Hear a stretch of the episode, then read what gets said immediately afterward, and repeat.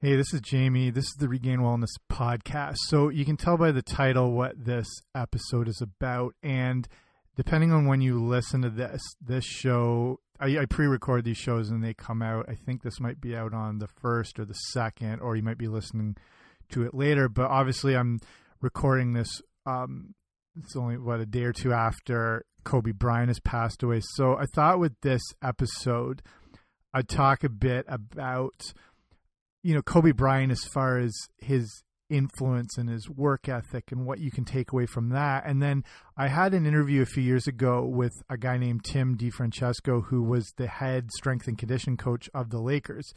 And so he came on to talk about, you know, what it's like working at the elite level. But the show is primarily based on nutrition and how he improved, you know, nutrition for uh, the Lakers and how that influenced the the rest of the league and everything like that. So I mean, even if you're not a basketball fan or not maybe totally familiar with Kobe Bryant, there, there's still a lot of takeaways because what we discuss about nutrition um, and training are things that you can apply to your own life. So I think it's worth a revisit back onto that. And then, you know, and we talk about Kobe Bryant too, and we recorded the show. Tim and I recorded the show not long after Kobe's last game when he put down 60 against was that Utah. Um, so just you know a bit of his perspective on working with one of the greatest of all time. So we'll get to all that in a second. So we've learned what an influence Kobe Bryant has had, not just on like on the game. I mean that's a legendary status on its own, and and he'll you know he'll live forever in that legendary status. We've learned more about you know him being a good family man and father, and his humanitarian work and his support of um, the growth of like women's sports and w- the WNBA and um, women's soccer, and he's always there to support along you know with the athletes and his daughters. But I like the thing I want to focus on is the the work ethic, the training, the determination of someone who's already an elite athlete, always was an elite athlete. You know, one of the first to go right from high school into the NBA at like what 17, 18 years old. And these guys, like a guy like him, has enough natural ability and skill that he could probably coast on it, or he probably could have always coasted on it. But he worked harder than anyone, and and the stories of his training and his um, intensity and his work ethic are as legendary as he is. And you, you hear all the stories of he would be at games two to three hours before at least warming up um, and preparing for the games. You would hear about other like teammates and stuff. Uh, say early mornings, they you know they're so inspired and influenced by Kobe and his work ethic and his training, so they're trying to get to the gym earlier for workouts and shoot arounds you know, either to try and impress him or to, you know, sort of build off his energy and his um, intensity. And, you know, they think they're getting there early at like 8 a.m. or 9. You know, usually like they're called to be there for, say, like 11 for the warm up and shoot around and whatever. And, you know, they, they get there like an hour or two before. And Kobe's already been there for like three hours, you know, working and they, they see him shooting. And then they can barely, you know, keep up with their own workout. Then they leave and then Kobe's still going I work at a, or I've worked at a kids sports camp in northern Connecticut, and one of the things there is we always bring in every year uh, professional NBA players, yeah, and you know the odd NFL guy, and so we've had a lot of awesome you know people come through, and also we bring in you know guys who have coached an elite level like, through colleges and who've worked with pros and stuff, and we had a guy years and years ago, a guy came in and I cannot remember I think it was Williams or something like that with his last name. But basically, he'd worked alongside, you know, the college level, getting guys ready for pros. Um, you know, he's he's been around. He just talked about Kobe Bryant the whole time and, and how hard he worked and how, you know, no one could touch his work ethic and his intensity. And the same thing, like they'd, you know, show up wherever. And Kobe before a game would have already played uh, the equivalent of like one or two entire other games in in his own practice and work before he'd go out and play the game that night. He told the story the night Kobe scored 81 against um, my Toronto Raptors here. Same thing. He was there. He was telling something. He was there like three hours before, and he put through the work ethic of like the equivalent of like a game and a half worth. Then went out and put down 81, like the modern day record, the second highest score of all time against the the Raptors. And you know, no disrespect to Wilt Chamberlain with his 100 point game, but the game is a little different then where defense wasn't a priority as much and he was you know a seven footer before the giants had taken over so for kobe bryant to do 81 points in the modern era against teams are trying to shut him down um, and different defensive systems is astounding and the other thing and you hear this all the time as well how you know all, he's already an all-time great as far as his offensive abilities and his records and his legacy and his championships and his gold medals and everything like that. But the difference with him is there's not really been anyone in NBA history who's that dominant on both ends of the court because he absolutely shut it down on defense and would specifically take on the top player on each team and still shut them down and then still be a massive all time best offensive threat, which is pretty crazy because you get guys who are specialists in one area or the top guy or scorer, you know, not disrespecting other modern guys or like Steph Curry. He's not the top shutdown guy, you know, and that's for a whole bunch of different factors. But Kobe Bryant wanted to take on the top guy and then still produce. Like it's it's pretty amazing um, that legacy he's left there.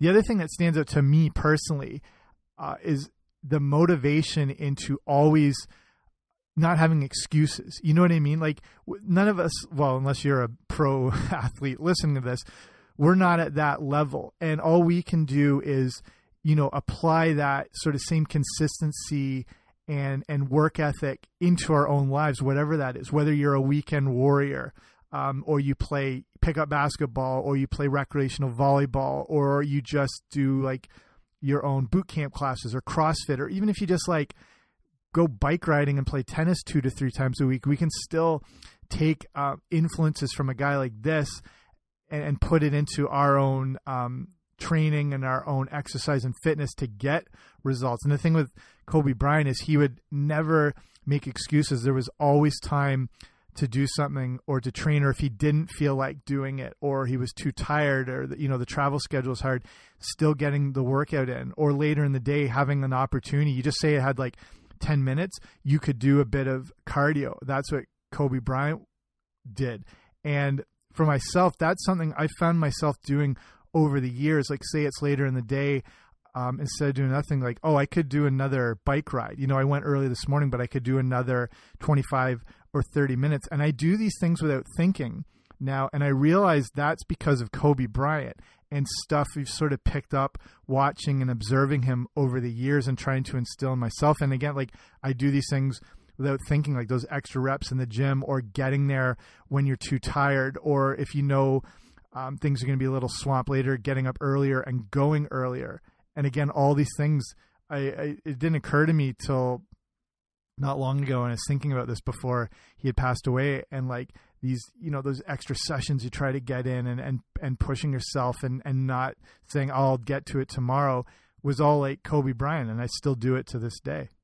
So that's just you know my personal take from everything um, related with Kobe. So what we'll do is um, I'll put up this interview now I did with Tim DiFrancesco. Doesn't work for the Lakers now. He works with a company. It's called TD Athletes edge. There's a few things he talked about because this is from years ago, this interview. So there's a few things he's talking about as far as, um, say, his uh, website, or he had some like webinars and stuff coming on, and things that have obviously already finished. But again, a lot of amazing takeaways about his own story and getting to work with the best in the world, specifically the Lakers, and a lot of amazing nutrition lessons that will apply to you. Um, at whatever state you're at. And then again, you know, we finish and we talk about some of uh, the stories because this guy's on the floor. He watched Kobe Bryant for for years and years, and then he was there for that last game and just his insights and everything like that. So hopefully you enjoy it. There's some other stories. I'll, I'll leave it. Just listen. One later in, I think around the 50 minute mark, and he's talking about because he worked one on one with Kobe, and he talked about Kobe calling him at four in the morning after they had just landed and got into a hotel after a long road trip wanting to work out because Tim's the strength and conditioning coach and Kobe want it, it's 4 a.m. and he's asleep. It just it, amazing stuff like that. So hopefully enjoy this interview and uh, we'll pick it right up here with Tim. Hey, everybody, welcome back to the podcast. I'm really pleased to welcome my guest here, the head strength and condition coach from the Los Angeles Lakers, Tim DiFrancesco. How are you doing, man? Great, great. Thanks for having me on. Yeah, absolutely. Good to have you here. Um, so, I want to talk about a bunch of stuff that pertains to, you know, fitness and nutrition and recovery and that whole deal, but a little bit about what your own background is as far as your own history with sports and fitness and what got you on the road to becoming a head strength and condition coach. Sure. So, um, kind of the uh, on paper version, I my, my undergrad is in athletic training. So from from a four year undergrad degree in athletic training at Endicott College, I went to a three year doctoral program in physical therapy, and from there was uh, immediately working uh, after school as at an outpatient PT clinic and and enjoying that setting, but had an, a real itch to get into the performance, strength, and conditioning side of things. So started my own performance, uh, small scale performance training facility uh, outside of uh, on the North Shore of, of Boston. And that's where TD Athletes Edge was was born, and we can kind of circle back to what TD Athletes Edge is all about later. But yeah. um, uh, and and so as I was doing those two things kind of simultaneously, running my own thing on the side, working as a PT at, the, at this clinic, I was uh, uh, approached by my former basketball coach in, in high school who took a job with the had just taken a job with the Bakersfield Jam in the NBA D League, and and so he um, was was he, he had uh, was taking a position as an assistant coach and was on the search for an, uh, athletic trainer and a, and a strength coach for that team, and and uh, approached me about it, and and basically wanted to know if I knew of anybody who would want to do it. Right. And it just turned out to be really a, a, the right time for me to to make a move like that and explore working in the team setting, and and I had been looking forward to any opportunity along those lines that that came up, and and it was uh, in front of me, so I I basically said, "Yeah, I know somebody. I I, I would love to do that," and end up working in Bakersfield, California for for two years, uh, two seasons as uh, as I continued to run my own performance training thing back on the East Coast and, and on in the off seasons. And and then getting ready for a third season to go back to Bakersfield and uh, Gary Vitti, the head athletic trainer for the Lakers, contact contacted me, and we had been in Bakersfield. We had been affiliated with the Lakers on, in my second season. Yeah, and um, so I didn't really know this, but I was on his radar, and and nice. Uh, to to make this beginning to be long story shorter, I, I you know it basically was in the right place at the right time, doing the right things to where um, caught Gary's attention, and he he really wanted a. Uh, uh, he wanted a strength coach, somebody who was running his weight room, to have a perspective of a physical therapist. So, uh, so the rest is, is kind of history, and I've, I've been head strength and conditioning coach with the Lakers for five seasons now. Awesome, awesome. Your own, say, your own sports background. Did you gravitate towards one sport, or were you kind of a bit of everything guy?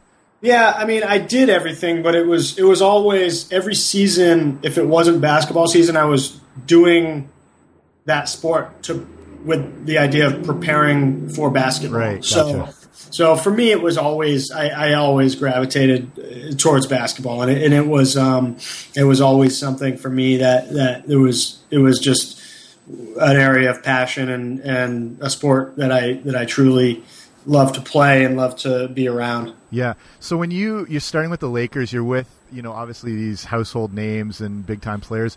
When you're starting in, what's your original approach to what you're bringing to the table as their new strength and conditioning coach? Were you kind of following what had been going, or did you have a lot of your new like own insights that you um, brought to them, basically? I went into that. I think just with the mindset of if get get my get my head above water here and, and stay there and and then you know don't don't show any sign of of kind of being awe inspired or or that that fan side of me. I, I, I think you know, obviously on the on the nuts and bolts and the and and sort of the the clinical side of it, I, I, had some ideas of, of things that I could bring to the table that weren't maybe being done or addressed uh, in in the weight room or from a performance training standpoint. But it was really just make sure that I go in, gain these guys respect, um, and and see what what is going on. I mean, that first year it was let me get a lay of the land, and then and then by the time I get the lay of the land, I will have accomplished the number one thing for me at that time, which was develop individual relationships with each player. From there, I, I figured, okay, I, I, would have a foundation from which I could start to make some changes. Um, there was not an idea of me walking in there and trying to make wholesale changes right. uh, with with guys that were a few years away from being voted into the Hall of Fame. Yeah. So, so yeah, it was. Uh, you know, I, I, think that was the main focus.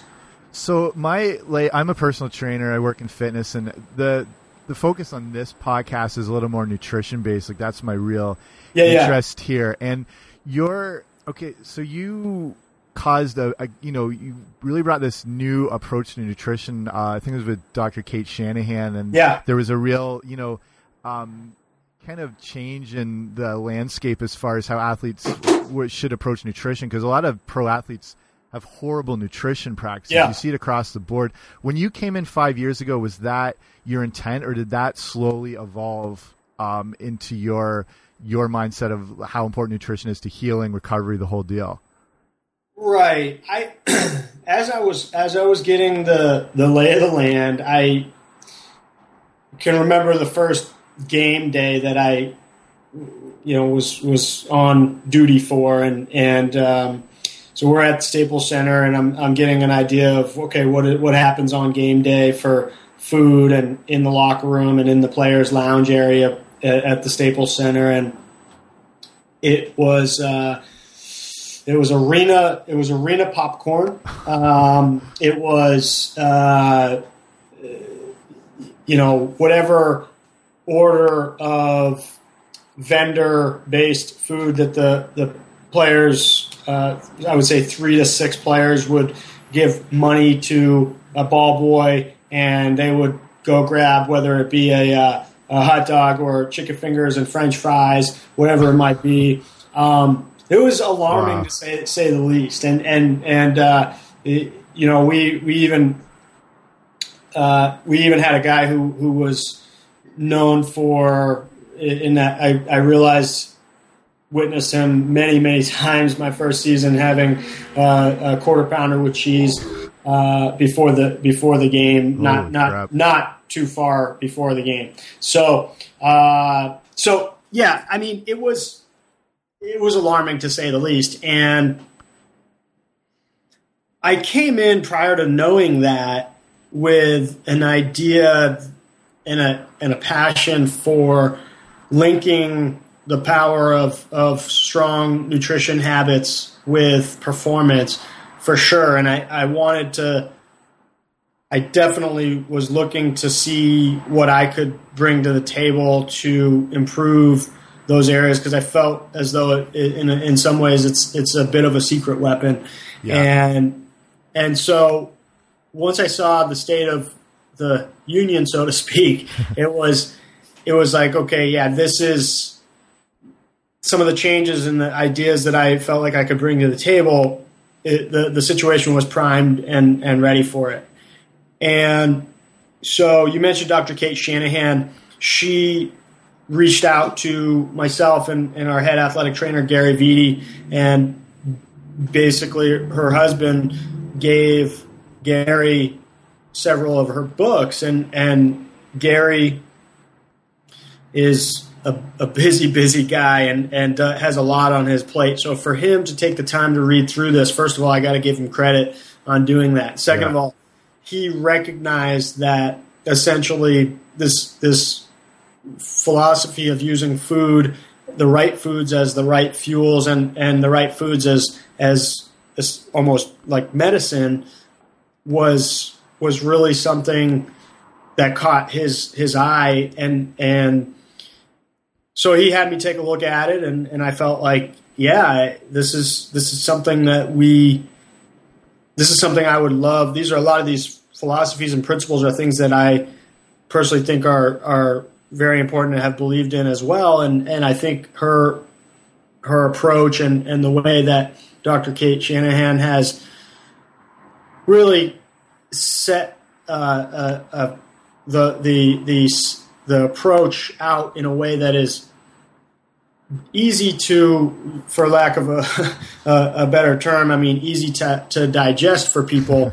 Um, and and and so it was like it was it was just sort of one of those things that that at the right time it caught the right people's attention and and we felt an immediate connection to what she was doing and felt like that what she had put together was something that we could help to uh, put in front of our players and would help them.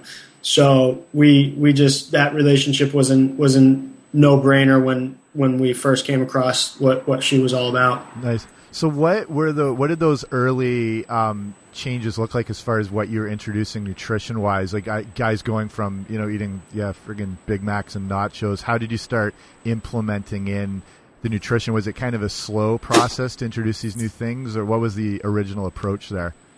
Yeah, it, it was. It was. It was. So nutrition is food in general is a polarizing topic, and we it, it hadn't been I think in a lot of pro locker room settings for a long time, and even still in, in many cases, it's just not something that many people are willing to dive into tackling with their players in an aggressive way because I mean it can it can really be it can be challenging enough to develop strong relationships with your players, and then when you start messing with their food, yeah, it, it, it, can make it twice, uh, you know, twice as hard. So, I, I think that we definitely set out to take baby steps, and we learned along the way what we thought were baby steps, or what I thought were certain baby steps, maybe weren't as um, small of steps as as the right, people right the, the end users felt like they were. So it was definitely a, a, a learning experience and, and something where ultimately what we've figured out is you're sort of going to have a breakdown of what I, I, sense is is the rest of the same breakdown you, you would roughly find in the rest of society is that in, in a given locker room you're going to have a 30 30 30 and 10% breakdown where you have 30% of the guys that are these all in early adapters. Mm-hmm. Something is new and, and exciting, different than what they've heard before in a certain area. They're they're ready to roll. They they oftentimes are the more veteran based players that have gone through some trials and tribulations physically or performance wise and realized that the nutrition piece is very important. They've probably heard that the key to good nutrition is eating lots of skinless, boneless chicken, steamed broccoli, and brown rice. And, and although there's there's not anything wrong with any one of those things in a vacuum, in, a, in an overall sustainable approach to nutrition, that's that's probably not going to take care of business. So, mm-hmm. because of the fact that our approach and, and Dr. Cate's ideas are are a bit more complex than that and, and simply different than that in many ways that early group, that early adopter group that is like, I'm all in, let's do it, is is 30% of your locker room. And, and then you have another 30% where they're willing to, it sounds intriguing, they're willing to wade in up to their waist on certain basic ideas. They're not going to peel back all the layers to the onion, but they're, you've got their attention.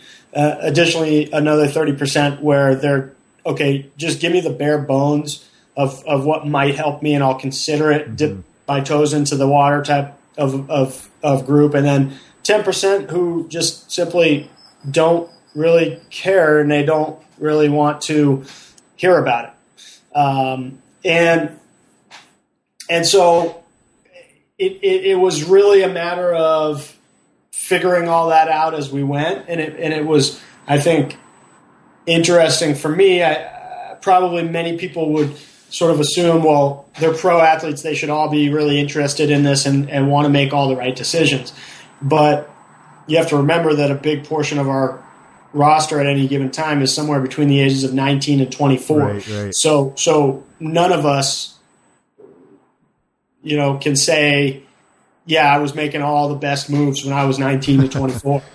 Uh, you know, so so it, it just it, has been it's been a um, a really interesting process for for me to go down and figure out the right way to do it. It certainly comes back to figuring out really what are according to the end users the the baby steps that can be helpful for them, but but enough of a step for for me to say we're accomplishing something. Yeah.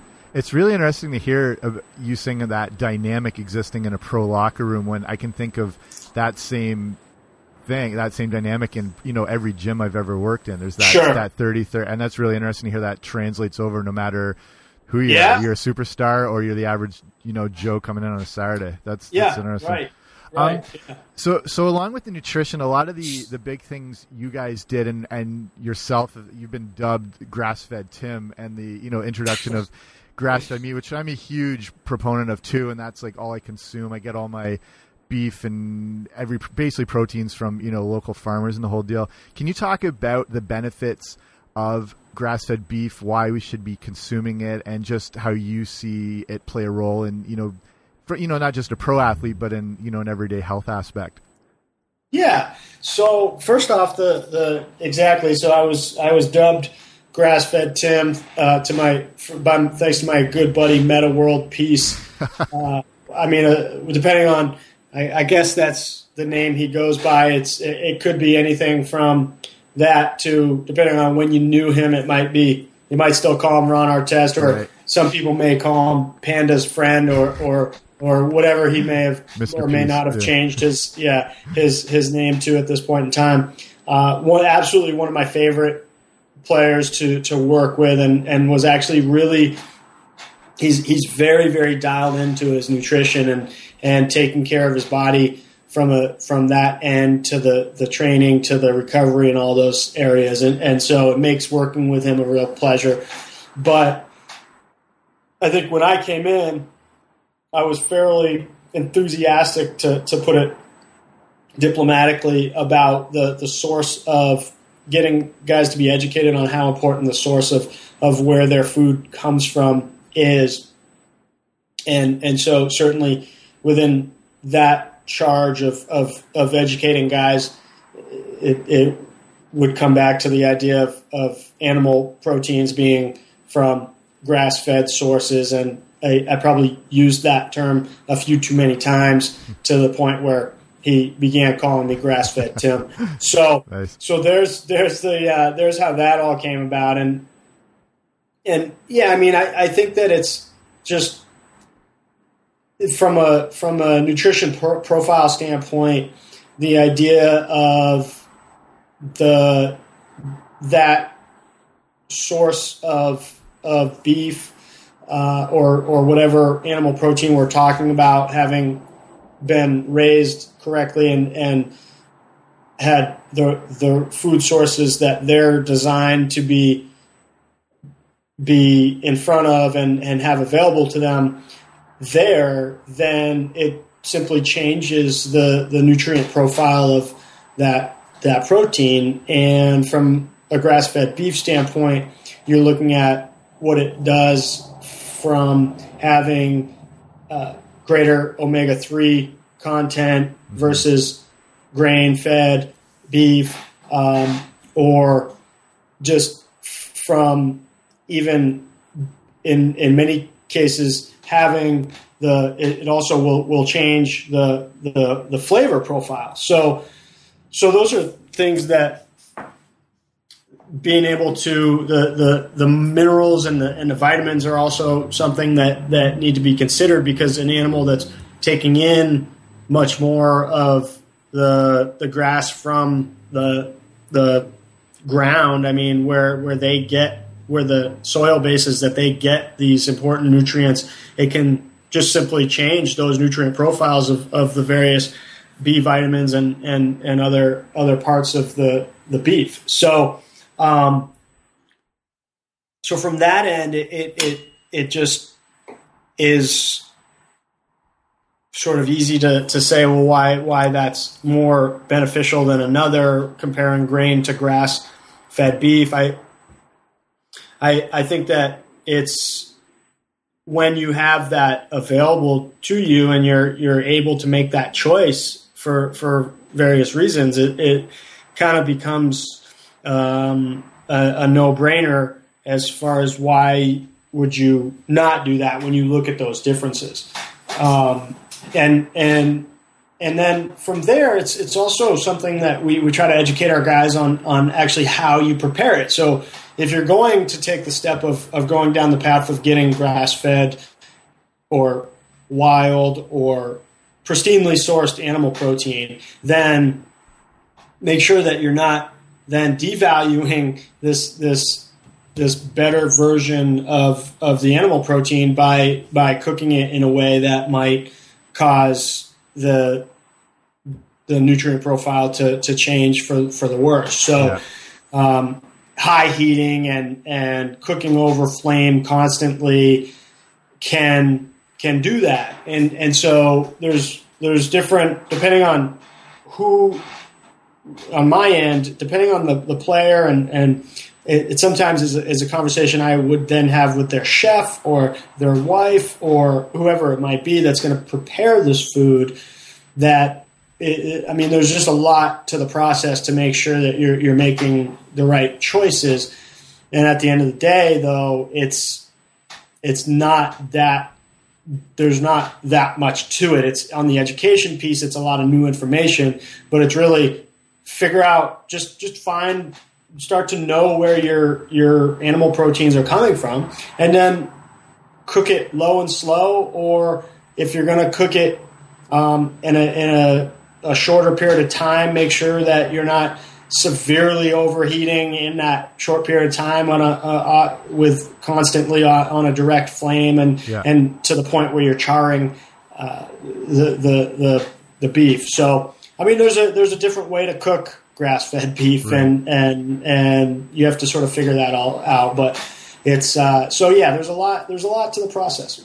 Yeah, I, th- I I really push on people that idea that low and slow cooking process, and you know making use of you know crock pots or slow cookers, and you can take those cheaper cuts of meat, you know, still yeah. get the best source possible, but these things don't have to be that expensive. You know, yeah. throw in some um, you know, garlic and carrot, whatever, you know, just some right. thyme and herbs, throw it in with a bit of broth, let that sit for six hours. It'll be as good as any meal you'll have. And it's costing right. you pennies per serving pretty much. So right. I, exactly. I think, I think that comes up. I think that's one of the issues when, and when people hear grass fed is they think it's, you know, the cost is going to be through the roof and it, it's not the cheapest thing, but when you look at the, you know, the grocery store, supermarket, feedlot equivalent, which is basically like fat you know, disguised as beef. By the by the time the cooking process is done, you're left with this just watery, reduced mess. Whereas the organic, ver- like the grass-fed organic version, you know, retains its shape, keeps it, you know, that whole deal. Yeah. Um, looking. So another thing you guys were um, big on, I just wondering if you could speak on a, a bit, is the idea of well, just sort of touched on broth, but the idea of bone broth and how that can work in, in healing and recovery. And if you could just touch on that for a bit. Yeah, so I, I I think that it's it's an easy thing for, for people to gravitate towards because it's it's the basis of a, of uh, any number of comfort foods. Mm-hmm. So a, a, broth or a stock that's been prepared traditionally in the classic sense of of those terms is something that we can all think of the smell of or the the um, you know, the idea of being a part of a, a, favorite family recipe of a of a soup or a stew or a, or some version of, of a comfort food for, for anybody. And so thinking of family members making these recipes and it's an easy thing to to want to sort of yeah, that sounds delicious type of uh, um, meal because because of that. So there's that piece which is interesting because in, instinctually we're attracted to it for I believe a, a reason, and that Yeah. comes into like what what you talked on is what you touched on is what what is it about that that just makes you feel so good when you when you have it and and there's it's not just well because because grandma made it it's it's that's certainly part of it but there's reasons and there's actual uh, science behind that which is sort of how these these compounds within the the broth the breakdown of the the cartilage and the the joint material that you you boil down um, becomes it, it, it is now in this this broth that that is part of a recipe of, of whatever you're you're going to then consume and and those those compounds have the ability to essentially act as like heat seeking missiles towards the any damaged joint uh, tissue or, or material in your own body Yeah. so, I you know, it's it's it's something for a, a basketball player who has constant effort to, to to maintain and take care of those damaged or, or beat up tissues of, of the joint surfaces and and and and joint structures and support structures within the musculoskeletal system that having a, a something to fight that or or to support that maintenance process of those tissues is is critical and and that's that's really where the the broth comes in from from our end is essentially any buffet that we have available for our players which is typically one in the morning one in the afternoon and when we're on the road we have them at, at, at the hotels that there's going to be some recipe with broth in it, whether it's an actual soup or whether it's other recipes like that for, for that exact reason. Yeah, I think I think people instinctively, like you said, they know the heal. Well, there is the healing benefits of broth and, and stock, and I think that's why people kind of instinctively crave, you know, chicken noodle soup as you know, kind of a classic, or soups in general. You know, Right. um, learned that. I was wondering, you know, sort of speaking on that. That's the you know the average person knows that. What what are some tips for the average person who's starting to get, you know, trying to take control of their health now, looking to make improvements in their fitness and nutrition? What's some basic starting points you recommend um, for that person? Again, you know that the baby steps concept. Right. I think it's I think it's comes back to getting uh, an appraisal of where you're at from a sugar refined sugar consumption standpoint and and then also understanding how many things in your daily your daily on your daily menus include inflammatory or, or toxic oils Yeah. such as the the canola, corn, soy, vegetable, even cottonseed, those types of oils can really wreak havoc from an inflam- inflammation standpoint at a low grade, at a, at a low level, but over time have have some really negative um, results a- a- as as far as consuming them over time. So, so I think I think that's where I tend to direct people trying to make the first right moves is is just understanding. And one things one of the things that we did with for our guys was to start to to convert sugar grams of sugar into teaspoons of sugar. Okay. And so the easy way to do that is there's like in one teaspoon of sugar, there's four and a half, roughly four and a half grams. And so from that, you can look at a label and combine, add, add up the total carbs plus the total sugars and divide that number by four and a half. And you're, you're going to have a number of teaspoons of sugar Yeah. and so once you start doing that, it's it, it can be really eye opening for for people to realize how many teaspoons of sugar you're taking at a in a given in a given sitting or within a certain product that you consume often or in a in a given day or week. Yeah. And um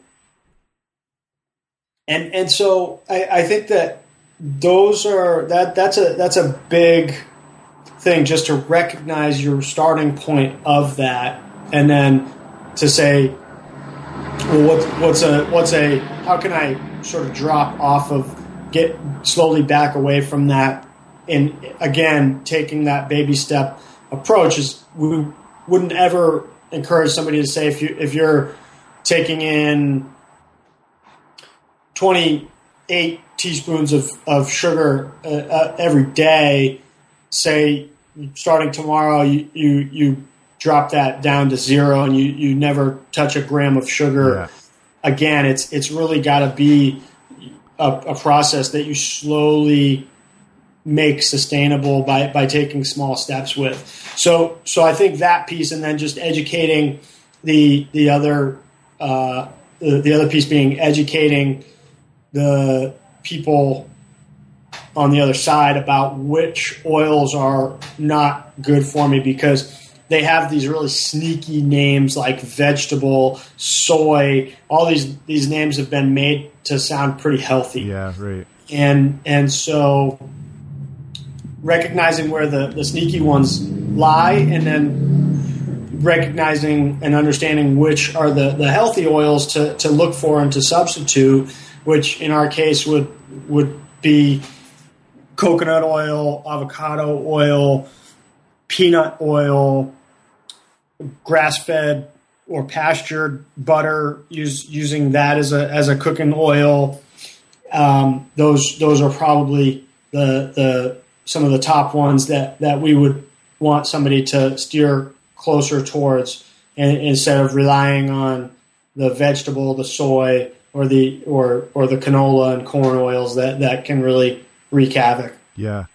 No, though, yeah, like awesome. Like, yeah, I say though that's two of the biggest thing. Just start, re- you know, drastically reducing your sugar intake.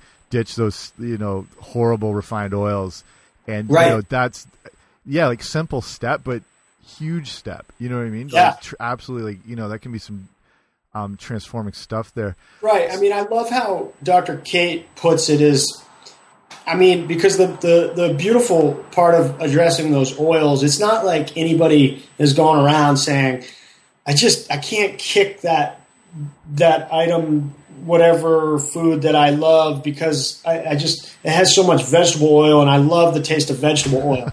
Right. I mean, nobody's, nobody's going around saying that. I mean, it, it, it, it's getting those things out of your diet drastically and, and pretty rapidly can can be really transformative and, and really reasonable because you're you're not you're not even gonna know other than the benefits that you start to feel from not having it there you're not really even going to know that you're you're you're not having that in your in your diet anymore Yeah, I mean, and you're not missing a thing. Like, there's no such thing as an essential sugar or an essential canola oil. right You're missing out on an, your n- nutritional spectrum. So right nothing to fear And- there. So Yeah, so I mean, it can just making those subtle uh, adjustments on those two things can can actually make a pretty big impact for some people, depending on where your baseline is in those areas. nice, nice. So winding down here, can you talk about um, what Athletes Edge is all about, and then also you've got a uh, a webinar coming up in July, and I think it's just talking about like navigating your career if you're someone looking into sports medicine or rehab, or if it's you know strength and conditioning like you're doing. Can you just Yeah. touch on all this stuff? Yeah, so so TD Athletes Edge at, at this point is really for me a and and and for uh, the people that are around me and, and supporting me in in in that are is is really my platform to be able to help to, to share my experiences and my my insight and, and knowledge in the areas of, of training, nutrition, strength and conditioning, performance, general general performance, whatever that word means to you. It doesn't have to mean that you're a high level athlete necessarily. Yeah.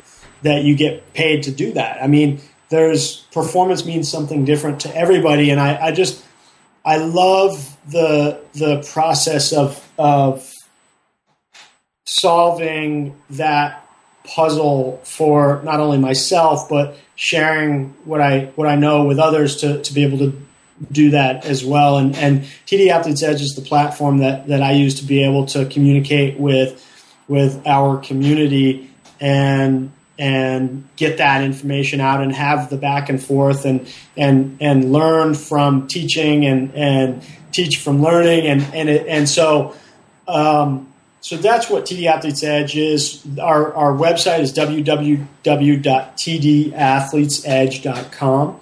We have a regular blog there, and I'm fairly active on social media, including Twitter and Instagram, which is at TD Athletes Edge. Yeah, also, I'll, I'll, link all this up on the show notes so beautiful. people can check. Um, yeah, thank you.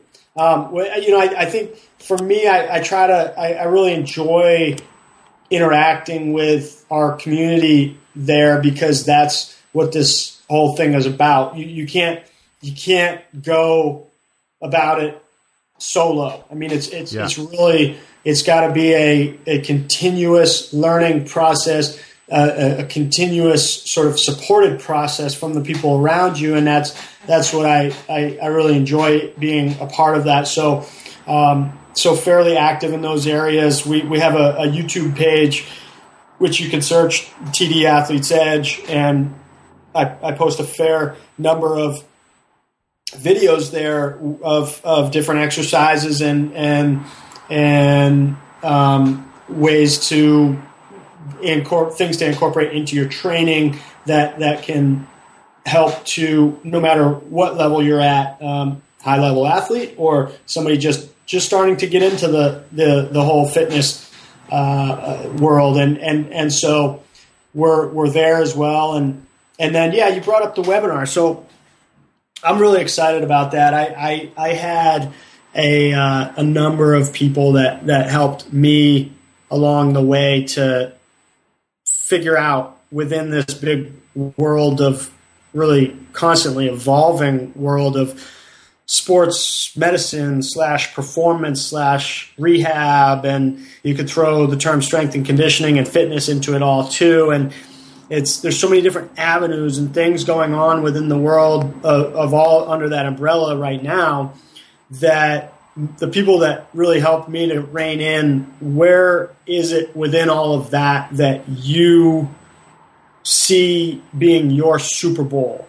Or or I've I've used the term what is it within that that that gives you goosebumps? And I mean it, it just for me I, I go back to the opportunity that I had as as a Division three college basketball player. We, we really didn't at the school that I was at, Endicott College. I, I didn't we didn't really have a true strength and conditioning coach, and and so it was tasked to me to to because I had shown some interest in it. It was was an athletic training major in in in school there, and so like, hey, my coach basically told me you're in charge of our strength and conditioning. Hmm.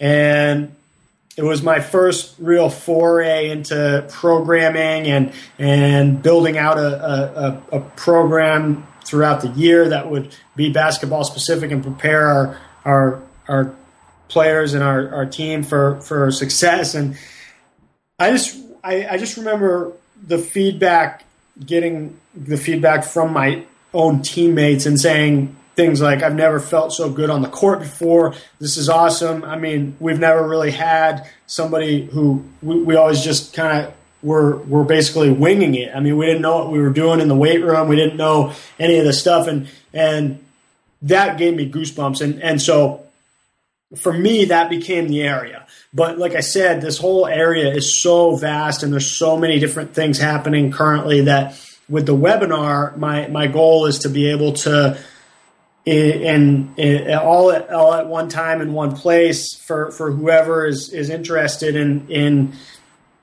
addressing that and and and working their way through the the the entire scope of it all to find their Super Bowl, let me let me share my experiences. Let me let me give you the lay of the land as I see it, and and how I can help you sort of target that Super Bowl and, and head towards it in a more focused and and um, uh, calculated fashion because that's what it's all about. I mean, that's that's it's it's there's a lot of hard work and hours that go into being a professional in this field, and you may as well be lining yourself up for for what your Super Bowl is. Yeah, and that is what's the date and time in July? Yeah, so that's that's July. That's going to be July 18, and um, so the the uh, with that we're going to go 5 p.m. Uh, Pacific Standard Time, and the the the all the the details and the information there are on. You can just go straight to our homepage www.tdathletesedge.com. Oh, and, and all the info there. Yep. So there's oh, nice. a link uh, directly on the on the front of the uh, of the homepage. So um, so so that that um, that webinar is, is July 19th at 5 p.m. Pacific Standard Time, and and and all the uh, all the info you can find that right on our home webpage www.tdathletesedge.com. Nice, sounds awesome. Okay, f- last few questions. Just finishing up. What was what was Kobe's last game like? Oh man, man like yeah.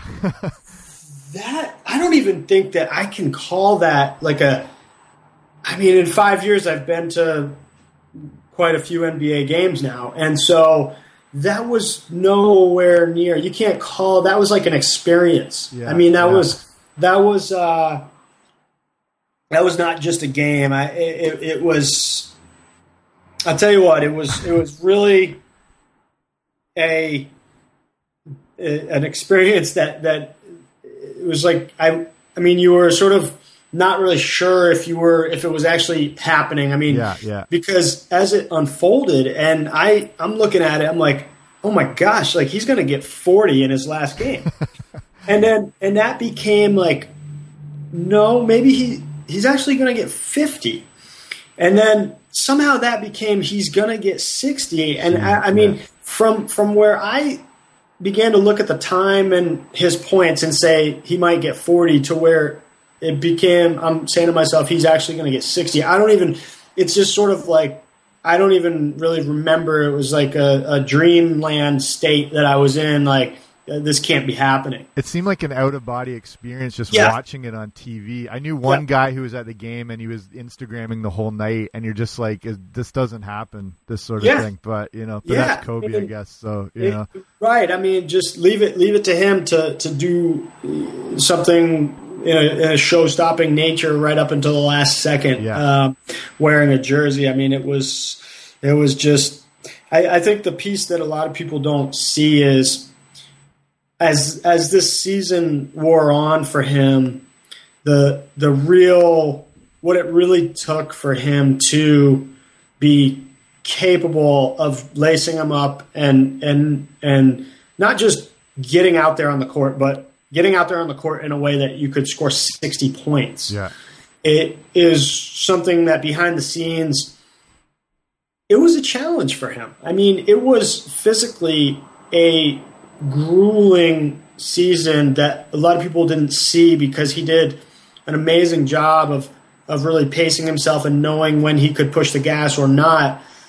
But the 20 years had, had really physically taken a toll on him, and and I think that a lot of people faced with that scenario probably just sort of throw in the towel before they they they grit it out or grind it out the way that he did. So it was um, it was pretty neat to be a part of it. Yeah, we've had. I was telling you, we're, me and Tim were talking before, and I work at this summer camp in the states, and every summer we bring in some, you know, pro athletes um, from, you know, usually the Knicks and stuff. They'll come in, like you've had, you know, Wilson Chandler, and we, yeah. you know, just just guys like that, and they were telling these stories about Kobe when they were playing. They'd come in, and he'd be there practicing three, four hours before the game.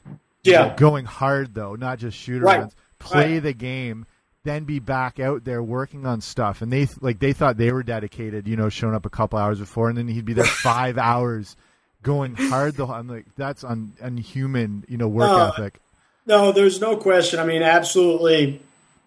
I think the word that always comes to mind for me, having been around him for for the five years I was able to be, was was is just ruthless. Yeah, I mean, just yeah. absolutely ruthless in his approach. And one of my one of the stories I always go back to is we we had played in um, either either Toronto or maybe it was New York. I can't remember, but we had played on say a a, a Friday, say a, a Thursday, and and we were flying Thursday night to to Chicago to play them in a back to back situation. So we, we were going to then obviously play the next day, and and we in those situations you're not probably getting into your hotel room and putting your bag down and, and s- sitting down on the bed until about three to f- to four a.m. Yeah. and and so I had just finally we, we traveled from whatever city it was into Chicago, got the got off the plane, got on the bus, bus to the hotel, got everybody's bags situated, and then you finally get up to your room and and, and can kind of shut it down for a bit. So that was probably about three thirty to four a.m. and I had suddenly was halfway into really getting into a good sleep, and I, I heard something on my phone. So it was it was him, and he said uh, he had texted me, and he and he and he said, "What are you doing?" And I mean, in my head, I'm like, "What what else would I be doing?" I'm I'm, I'm, yeah. I'm half asleep right now, trying to get some sleep, and and I texted him. I said, "Sleeping," and and he's like, "Okay, well, I'd like to get a workout in."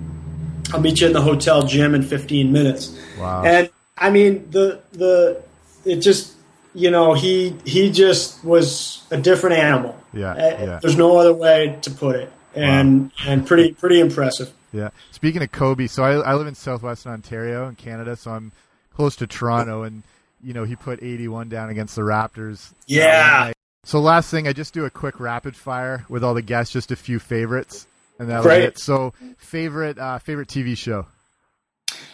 TV show. Um, I'm gonna have to go with. Uh, let's see. I, uh, is not too rapid right now. There's a, there's a lot of them. Um, I'm gonna go with. Uh, I'm, I'm just blanking on the uh, with Frank Underwood there. Oh, House of Um, Cards. House of Cards. Nice. Thank you, Favorite athlete growing up. Bo Jackson. That's Nice. so easy. Nice. Favorite movie. Stand by me. Nice. And last one, if you could only eat one meal or food for the rest of your life, what would it be? That's It probably a tough be- one too. Yeah, well, it would it would be anything. I, I love, I absolutely love Vietnamese food. I just, I just love the. Uh, it, it would be anything um, in, in from from uh, the the the Vietnamese cuisine. Awesome. All right. Thanks so much for doing this, man. Really appreciate it. Oh man, my pleasure, Jamie. Thanks a lot. Great Awesome. stuff.